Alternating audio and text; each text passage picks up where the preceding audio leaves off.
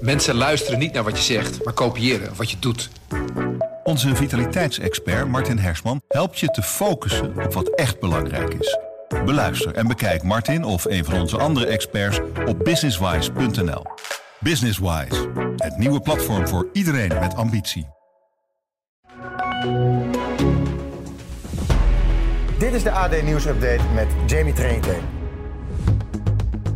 Een kleine meerderheid van de Tweede Kamer lijkt de deur naar een 2G-beleid toch op een kier te houden. Maar de meeste oppositiepartijen hebben hem al keihard dichtgegooid. Een coronapas uh, steun ik niet.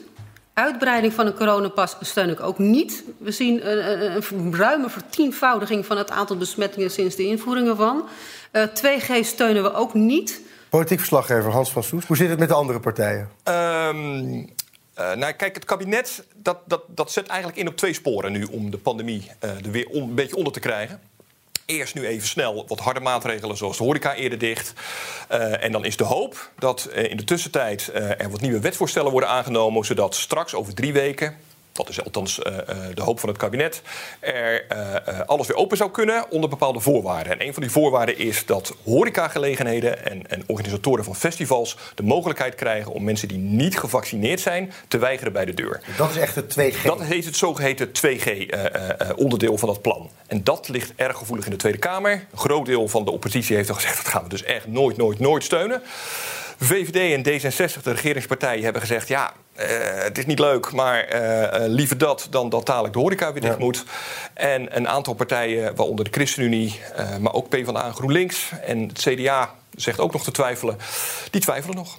Gisteren heeft de Kamer dus tot laat doorgedebatteerd. Wat gaat nu het kabinet doen? Ja, het kabinet werkt dus door aan die wetsvoorstellen. Komende vrijdag komt het OMT met een advies. Uh, die kijken niet alleen naar 2G, maar ook naar 3G. Het OMT komt eigenlijk met een advies van... oké, okay, die pandemie die gaat nog wel even doorduren. Wat kunnen we nou het beste doen uh, om de boel een beetje onder controle te houden? Gaan we door met het huidige zogeheten 3G-systeem... waarbij iedereen straks die, die test ja. moet laten zien... of laten zien dat hij gevaccineerd is, die QR-code. Of werkt 2G misschien wel, zoals het kabinet wil. Dan moet het OMT dus ook nog adviseren. Of, en dat is ook nog iets wat op verzoek van de Kamer wordt onderzocht gaan we naar een zogeheten 1G-systeem. Ja, het wordt heel ingewikkeld ja. nu. Uh, en dat systeem houdt dan in dat iedereen, of je nou gevaccineerd bent of niet, getest moet worden voordat hij ergens naar binnen mag. 1, 2, 3G, duidelijk. Um, maar er zijn natuurlijk ook partijen die helemaal voor andere alternatieven zijn. Ja, er zijn uh, uh, partijen die een maand geleden nog vonden dat alle maatregelen sowieso moesten worden afgeschaft. Ja. Um, die hoor je nu wat minder. Maar ook gisteravond waren er nog steeds oppositiepartijen, ondanks het feit dat er meer dan 100.000 besmettingen zijn die juist pleiten voor versoepeling van bepaalde maatregelen. Ja, daar gaat geen meerderheid voor komen.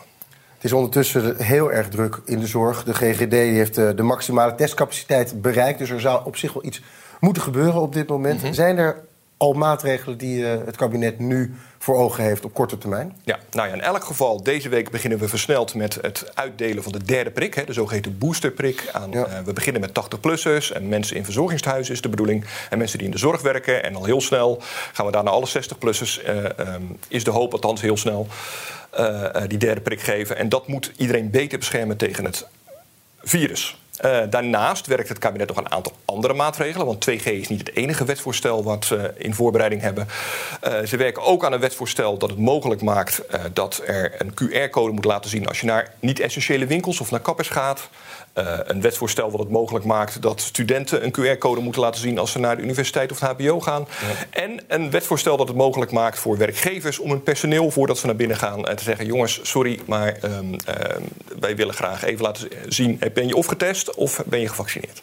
Een aantal wetsvoorstellen dus nu in de lucht. Ja. Toch nog heel even naar 2G. Wanneer wordt daar een besluit over genomen? Nou, volgende week is daar een nieuw uh, debat over. ik verwacht eigenlijk dat dan een Kamermeerderheid zal zeggen ja of nee. Um, en dat is afwachten. Hans, dankjewel. Ook al is het laatste, wordt hier volgens mij nog lang niet over. Zeker niet. Ja. Dankjewel. De weg naar Qatar is gevonden. Het Nederlands elftal heeft zich in een lege kuip geplaatst voor het WK van 2022. Het werd op het nippertje 2-0 tegen de Noren. Oranje-fan Henk van Beek, hoe groot is bij jou de euforie? Ja, goedemorgen. Ja, heel groot. Heel groot. Uh, enorme opluchting na zaterdag uh, natuurlijk.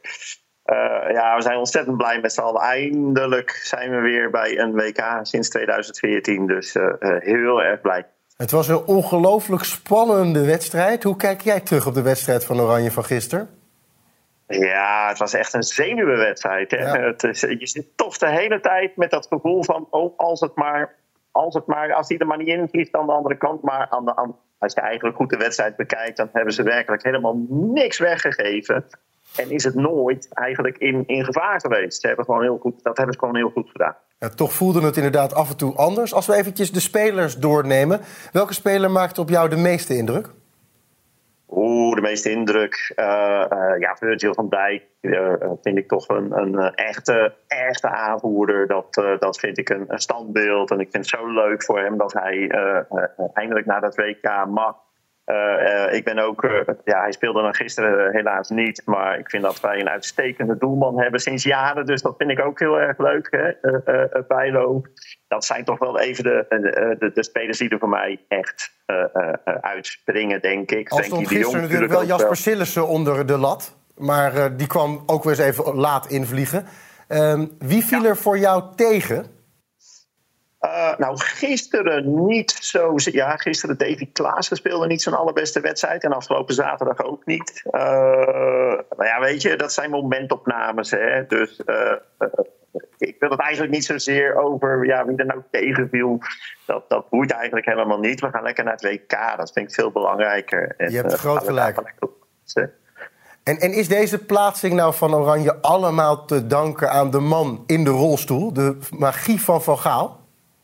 Ja, dat denk ik wel. Uh, hij is natuurlijk, en dat hebben we in 2014 al gezien, hij is natuurlijk heel goed in staat om er echt een team van te maken. En uh, dat zie je en dat merk je aan alles. En dat zag je gisteren uh, ook weer. Dat zag je zaterdagavond helaas wat minder.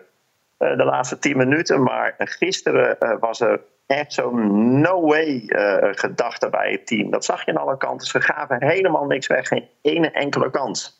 Ja, en dat, dat, dat laat wel zien dat, ze de, uh, dat hij het voor elkaar gekregen heeft. Dat ze de, voor elkaar door het vuur gaan. En zo hoort het. Dus nu met z'n allen op naar het WK. Henk van Beek, dankjewel. De afdeling werken onder dekmantel van de politie gaat gebukt onder grote problemen. Dat blijkt uit een nieuw onderzoeksrapport dat vandaag naar buiten is gekomen. De aanleiding van het rapport is de zelfmoord van undercover-agent Peter. Misdaadverslaggever Koen Voskuil. Wat gaat er mis tijdens die undercover-operatie dat het uitliep op zo'n groot drama?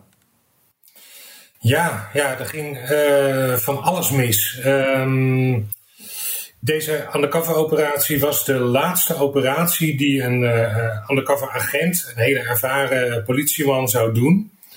Ehm, maar het was meteen echt een extreem lange uh, en, en grote operatie. Um, tegen Joop M., een uh, man die verdacht werd van het transporteren van drugs. Maar de politie zag in hem ook een speel tot een corruptiezaak in de Vlissingse haven. Um, en toen ze het huis naast deze Joop M. konden kopen, toen zagen ze een gouden kans. En hebben ze de undercover agent daar geplaatst. En die heeft hij dus langer dan een jaar gewoond. Zelfs nadat Joop M. Uh, op enig moment uh, is gearresteerd en in de gevangenis kwam, moest hij doorwerken. Nou, in die periode is er uh, een, een te innige relatie ontstaan met de partner van Joop M. en de agent. hij voelde zich bovendien niet gesteund op het werk, kwam in de problemen door deze operatie. En uiteindelijk uh, ja, heeft hij gewoon een dramatische keuze gemaakt en suïcide gepleegd. Ja, een loodzware operatie. Heeft Joop M. ooit doorgehad dat hij gevolgd werd door de undercover agent? Ja, we hebben hem, uh, mijn collega Hessel de Ree en ik hebben hem maandag gesproken. Voor het eerst. Uh, hij is voorwaardelijk vrij en hij zit nog met een enkelband om. Um, en hij zei, ja, eigenlijk vanaf het begin af aan uh, klopte het plaatje niet helemaal voor me. Er kwam een man wonen in onze straat met een uh, BMW 7-serie met chauffeur. Ja, dat paste eigenlijk helemaal niet. Um, dus hij heeft meerdere keren gedacht, ja, dit is mogelijk een undercover agent. Hij heeft hem ook een keer gevraagd, uh, joh, heb jij de serie Undercover gezien?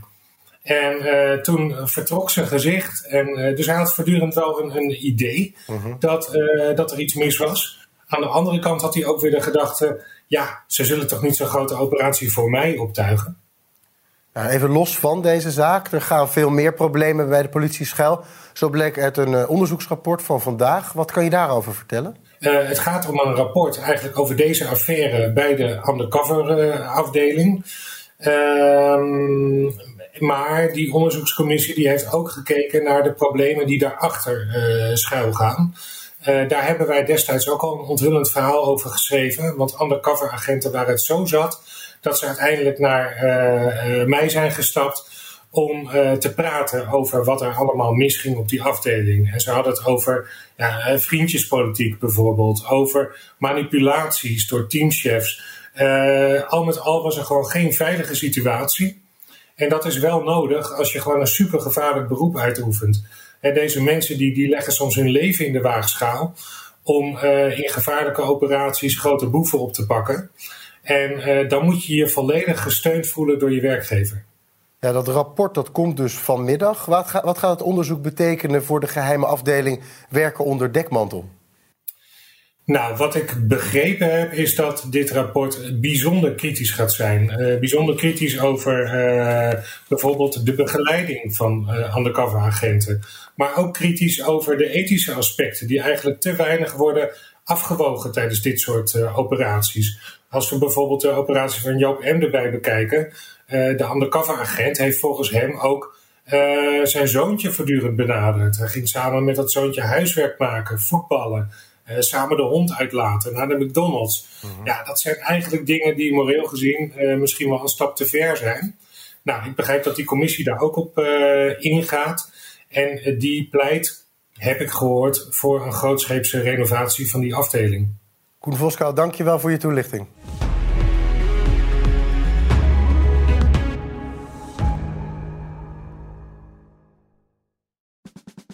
Luister ook naar onze podcast Politiek Dichtbij. In een half uur praten we hierbij over de stand van zaken op het Binnenhof. En niet alleen vanuit de wandelgangen in Den Haag, maar ook vanuit een regionaal perspectief. We zijn te vinden in onze app, op Apple Podcast en op Spotify. En wie zijn wij dan? Wij zijn Leonard Beekman en Tobias den Hartog. Een goede spreker herken je aan de Q&A aan het eind. Onze lifehack-expert Martijn Aslander geeft je adviezen waar je echt wat aan hebt. Beluister en bekijk Martijn of een van onze andere experts op businesswise.nl. Businesswise, het nieuwe platform voor iedereen met ambitie.